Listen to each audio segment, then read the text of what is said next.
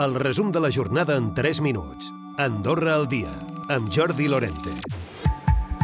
L'Agència de Protecció de Dades manté una estira i arronsa amb les escoles perquè tinguin perfils a les xarxes socials tancats al públic. S'hi ha referit la cap de l'Agència de Protecció de Dades, la Resma Punjabi, als matins de la Nacional. Aquestes fonts públiques pues, sí que tenen una finalitat concreta, però aquí hi ha un petit perill. Per tant, nosaltres la recomanació que fem a les escoles sempre és tancar les xarxes socials, però el problema és que les escoles les volen obertes i per tant aquí s'ha de fer treballar molt i sobretot els pares han de tenir molt més coneixements sobre aquests aspectes. Aquest divendres serà jornada de portes obertes a l'Agència de Protecció de Dades, tenint en compte que el dissabte se celebra el Dia Internacional de la Protecció de les Dades.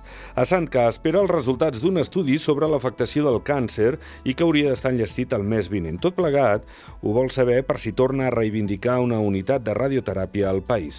Josep Saràbia és el president de Sant Cap. Crec que el que ens aporti sigui una realitat, o sigui, que de veritat ens doni les dades que tenim al país, ja que creiem de que no som especials comparats a Espanya o a França, amb la qual ens tindria que donar unes dades molt similars a, a nivell de tipus de, de càncer i a nivell de, de, de quantitat. A partir de febrer, els odontòlegs amb conveni començaran a aplicar el règim del tercer pagador per als majors de 65 anys. Serà un mes més tard del previst. La casa i el col·legi han tancat l'acord després que s'hagin resolt les modificacions que demanaven els professionals per adherir-se al tercer pagador per a totes les prestacions d'odontologia.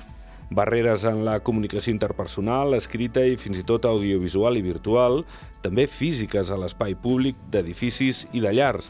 Des de l'Associació de Persones amb Discapacitats Visuals i Auditives posen damunt la taula la necessitat de que la societat en prengui consciència.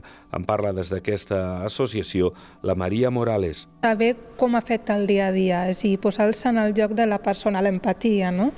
Perquè sí que poden saber que una persona és cega o és sorda, però no saben quines limitacions tenen a l'hora d'anar al dia a dia a comprar o a l'hora de passejar. Hi ha gent que, pues, que no pot perquè visualment no veu de nit i llavors com ho fa, quin transport utilitza, o necessita de la gent de família o, el que, o altres transports. No?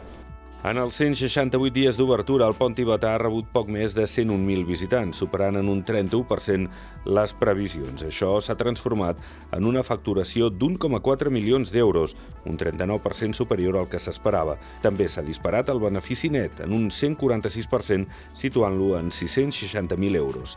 L'altre gran reclam de l'estiu a Canillo, el mirador del Roc del Quer, va tancar l'activitat amb bons números.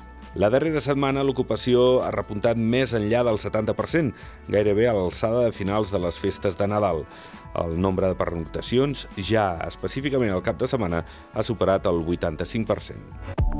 Recupera el resum de la jornada cada dia a Andorra Difusió.